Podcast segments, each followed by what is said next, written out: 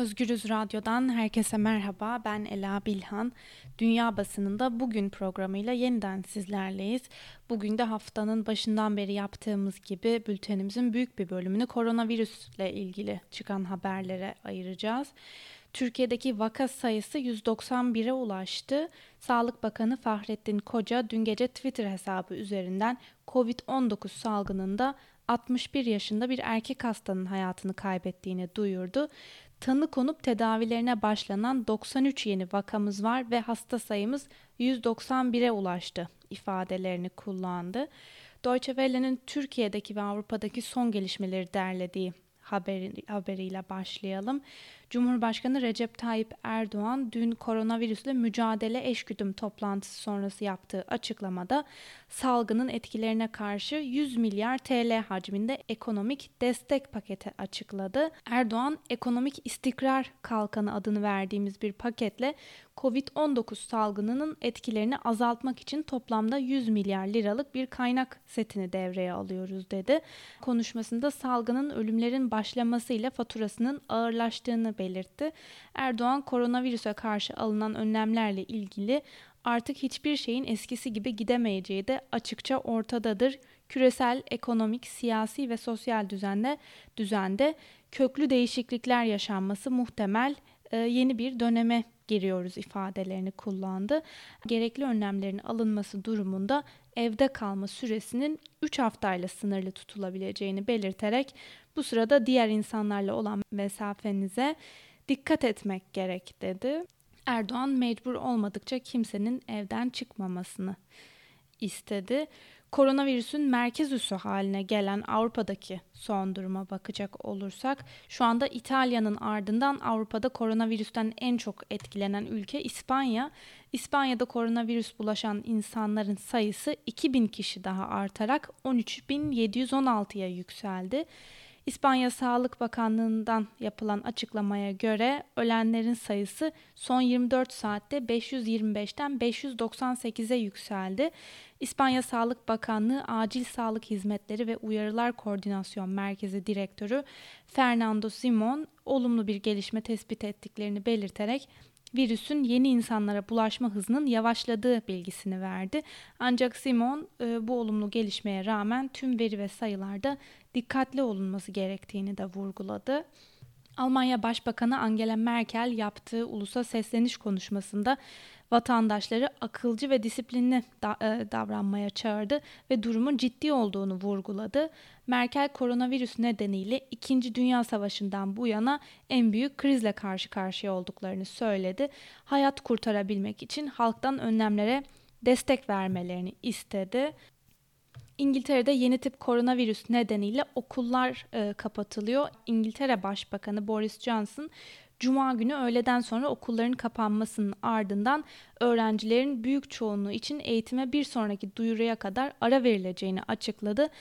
Eğitim Bakanı Gavin Williams da önemli görevlerde çalışan ebeveynlerin çocukları için istisnai durumlar olacağını belirtti.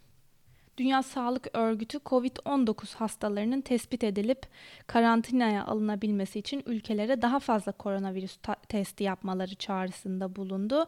Dünya Sağlık Örgütü hastaların tedavi edilmemeleri durumunda veya iyileşip iyileşmedikleri takip edilmediğinde salgının düşük seviyede devam edebileceği ve insanların sosyal kısıtlamaları kaldırıldığında da bu salgının daha kötü bir noktaya ulaşabileceğine dikkat çekti deniliyor. Ee, Çin Avrupa Birliği'ne 2 milyon solunum maskesi ve 50 bin hızlı koronavirüs e, testi göndereceğini açıkladı. Öte yandan Pekin'deki Sağlık Komisyonu'ndan yapılan açıklamada Çin'de koronavirüsün bir önceki günden beri hiçbir vatandaşa hastalığın bulaşmadığı da belirtildi denilmiş haberin detaylarında. Koronaya karşı aşı en erken 2021 ilkbaharında başlıklı bir diğer haberde virüslere ilişkin çalışmalarıyla tanınan ve Almanya'nın pandemi planını da geliştiren Robert Koch Enstitüsü yeni tip koronavirüse karşı aşının bulunmasının uzun zaman alacağını açıkladı.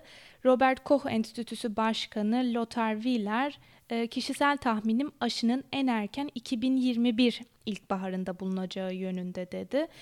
E, Merkezi Almanya'nın Tübingen kentinde bulunan CureVac adlı şirketin kurucularından Dietmar Hopp ise büyük ihtimalle bu yılın sonbahar aylarında bir aşı geliştirmiş olabileceklerini duyurdu denilmiş haberin detaylarında. Almanya'nın önde gelen gazetelerinden Die Zeit'tan Bernard Pörksen'in dün Almanya Başbakanı Angela Merkel'in ulusa sesleniş konuşmasını değerlendirdiği yoruma göz atalım kısaca. Duygusal, empati dolu ve güçlü başlıklı yazıda Angela Merkel politikasını izlenecek yolu daha önce hiç bu kadar net bir şekilde açıklamamıştı. Koronavirüsle nasıl başa çıkacağımız konusunda yaptığı konuşmasında kriz yönetiminin nasıl yapılacağını kusursuz bir şekilde gösterdi. Kamu yararı ilkesiyle hareket eden siyasi kişiliğini bir kere daha göstermiş oldu ölümcül bir virüsün tehlikeli cehalete rakip olduğu böyle bir durumda nasıl konuşulur? Krizin dramını da küçümsemeden nasıl sakin kalınır ve karşı taraf nasıl karşı taraf nasıl sakinleştirilir? İşte Merkel dün tam olarak bunu başardı demiş yazısında. Bültenimize Euronews'la devam edelim. Sıtma ilacı COVID-19 tedavisinde işe yarıyor başlıklı haberde. Fransa'nın Marsilya Üniversite Hastanesi'nde yapılan testlerde sıtmayı önlemek ve tedavi etmek için kullanılan klorokin ilacının e, koronavirüs tedavisinde etkili olduğu açıklandı. Testleri yürüten Profesör Didier Roll e, ilk deneylerin başarı gösterdiğini açıkladı. Doktor Roll 24 COVID-19 hastasının deneysel tedaviyi kabul ettiğini belirterek 6 gün içerisinde %75'inin virüsten kurtulduğunu bildirdi.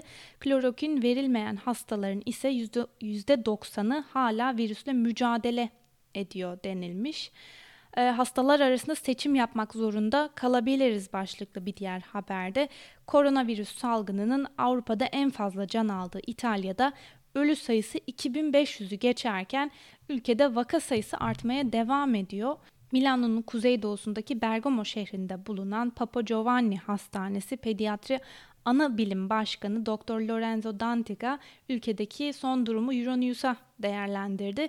E, yatak kapasitemiz doldu. Gerçekten zor durumdayız. Hastaları başka hastanelere sevk etmek zorunda kalıyoruz ki bu bölgede tüm hastanelerde aynı durum yaşanıyor. Yoğun bakım ünitelerinde yer olmadığı için hastaları başka bölgelerdeki hastanelere sevk ediyoruz. Çok sayıda gelen hasta var ama ne yazık ki az sayıda e, hasta taburcu oluyor. Eğer sayılar artmaya devam ederse hastalar arasında seçim yapmak zorunda kalabiliriz açıklamasına yer verilmiş. Bir diğer haberde İran, İran Sağlık Bakanı yardımcısından koronavirüsü 15 güne kadar kontrol edemezsek ağır kayıplar veririz başlığıyla öne çıkmış. İran Sağlık Bakan Yardımcısı Ali Rıza Reisi şu ana kadar koronavirüsle milli mücadele seferberliği kapsamında 22 milyon 500 bin kişinin sağlık taramasından geçirildiğini ve bunlardan 1 milyon 500 bin kişinin durumunun takip edildiğini dile getirdi.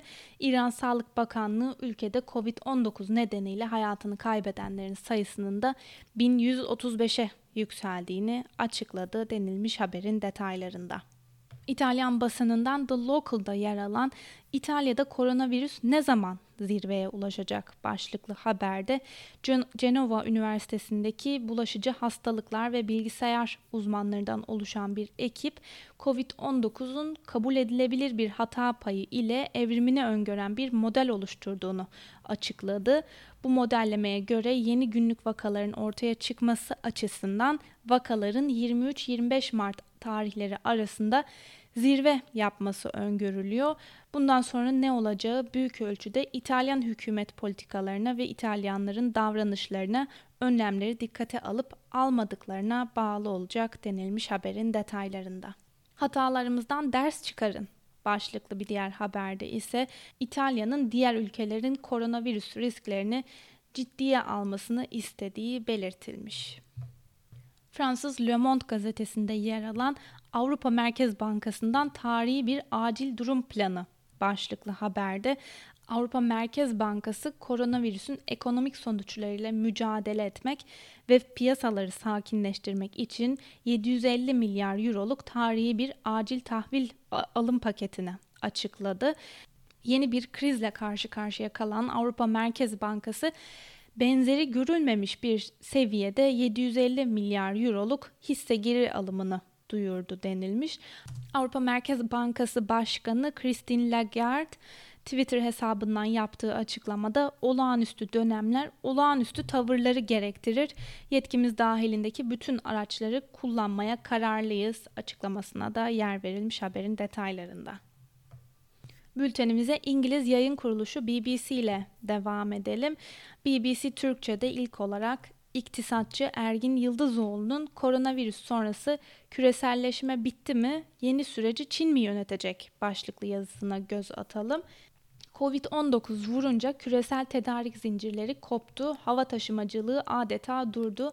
Ülkeler sınırlarını kapatmaya, vatandaşlarının hak ve özgürlüklerini kısıtlamaya, askeri ve polisi sokağa indirmeye, hükümetler parlamentoları bypass ederek e, karar almaya başladılar.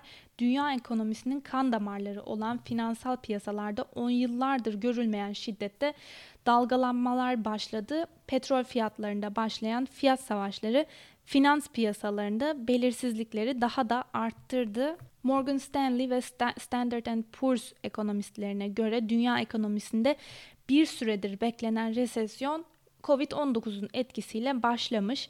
Morgan Stanley ve Standard Poor's'un analistlerinin yorumlarına ek olarak hızla artmaya başlayan işsizliğin bir borç krizi olasılığının en azından gelişmiş ülkelerde bir depresyon tehlikesini gündeme getirdiği söylenebilir demiş. Merkez bankaları ve hükümetler Covid-19'un tetiklediği, ağırlaştırdığı sorunlara karşı faizleri indirmeye, trilyon dolarlık kurtarma paketlerini gündeme getirmeye başladı. Ancak para politikalarının yeterli olmayacağı hemen anlaşıldı. Bu kez oyunun kuralları da değişmeye başladı neoliberalizmin merkezlerinden İngiltere'de Muhafazakar Parti hükümeti büyük borçlanma, harcama, yatırım, talep yönetimi e, politikaları içeren Keynesyen bir ekonomi programı açıkladı ve salgının ilerlemesine paralel olarak programı genişletmeye başladı. Covid-19 yalnızca neoliberal politikaları arka plana atmakla kalmadı. Sınırların kapanma eğilimi, milliyetçiliği, ırkçılığı, küreselleşmenin adeta bir prototipi olarak Avrupa Birliği'nin geleceği üzerinde soru işareti oluşturdu denilmiş yazının devamında. Independent'da Kasım ayında ABD'de yapılması planlanan seçimlerin hazırlıkları sürerken gündeme gelen bir haber paylaşılmış.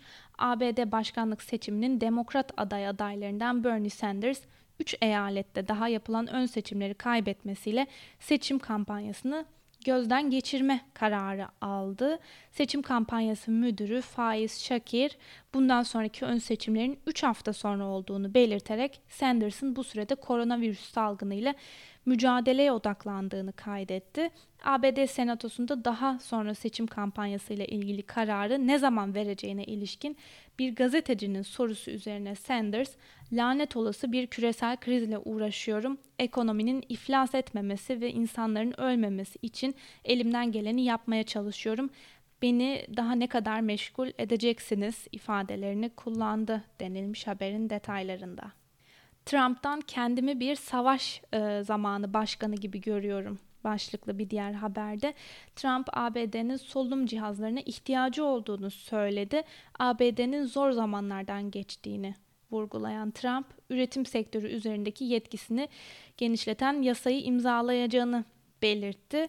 Trump'ın savunma üretim kanunu isimli yasayı da e, devreye sokacağı belirtildi ihtiyaç olursa kullanacağız. Başka bir deyişle ne gerekiyorsa onu yapacağız ifadelerini kullandı Trump. İlk olarak Kore Savaşı döneminde devreye sokulan savunma üretimi kanunu ABD başkanına koruyucu maske ve solunum cihazları gibi malzemelerin üretilmesi için sektöre talimat verme imkanı tanıyacak denilmiş. İngiliz The Guardian sıra okullarda başbakan okulları kapattı ve dersler iptal edildi başlığıyla öne çıkmış. İngiltere'de koronavirüs önlemleri çerçevesinde bütün okulların bir sonraki açıklamaya kadar kapalı kalacağı duyurulmuş haberde. Amerikan basınından New York Times ABD vergi ödeyenlere çeklerle 500 milyar, milyar dolar dağıtmayı planlıyor başlığıyla öne çıkmış. ABD'de Trump hükümeti koronavirüse karşı yapılacak ekonomik müdahaleyi genişletti. Beyaz Saray vergi ödeyen vatandaşlara vermek üzere 500 milyar dolar talep etti. Trump ayrıca bir savaş dönemi yasasını yürürlüğe sokarak medikal malzemeler üreten şirketleri üretimini arttırmaya zorladı denilmiş haberin detaylarında. The Washington Post aynı konuyu gündemine taşımış. Beyaz Saray 1 trilyon dolar teşvik istiyor başlıklı haberin detaylarında Trump hükümeti vatandaşlara çeklerle vermek üzere 500 milyar dolar talep etti ve aynı zamanda iş yerlerine kredi olarak e, kredi olarak vermek üzere 500 milyar dolar istediği belirtiliyor denilmiş. Financial Times ise Avrupa Birliği koronavirüs savaşında kriz fonundan yararlanıp yararlanmayacağını tartışıyor başlığıyla öne çıkmış. Rus haber ajansı Sputnik'te yer alan bir haberle devam edelim. Moskova Devlet Üniversitesi'nden yapılan bir açıklamaya yer verilmiş haberde. Biyoloji Fakültesinden yapılan açıklamada Rusya'da yeni tip koronavirüs aşısının ilk örneğinin 3 ay içinde geliştirilebileceği belirtilmiş. Öte yandan Rusya Devlet Başkanı Putin bazı insanların toplumda paniğe yol açma ve yönetime güvensizlik, güvensizlik oluşturma amacıyla sahte haber yaydığını söyleyerek koronavirüs ile ilgili sahte haberler ve söylentilere inanmama çağrısında bulundu. Rusya parlamentosunun alt kanadı Duma'nın Dış İlişkiler Komitesi üyesi Sergey Jelezniak, e, ABD ve Avrupa'da koronavirüs nedeniyle yaşanan panikten Rusya'yı suçlama çabalarının AB liderliğinin soruna yönelik uygun tutum eksikliğinden kaynaklandığını Avrupalı yetkililerin bir suçlu bulma arayışı olduğunu söyledi denilmiş haberin detaylarında. Son olarak Al Arabiya Birleşik Arap Emirlikleri'nde alınan bir önleme e, yer vermiş. Birleşik e, Arap Emirlikleri'nde alınan koronavirüs önlemleri çerçevesinde yurt dışındaki vatandaşlar iki hafta boyunca ülkeye giremeyecek deniliyor. Önlemler çerçevesinde ülkeden çıkmak da 14 gün süreyle yasaktı. Birleşik Arap Emirlikleri'nde şu ana kadar 114 vaka görüldü denilmiş haberin detaylarında. Sevgili Özgürüz Radyo dinleyicileri bu haberle birlikte bugünkü programımızın sonuna geldik. Yarın aynı saatte görüşmek dileğiyle şimdilik hoşçakalın.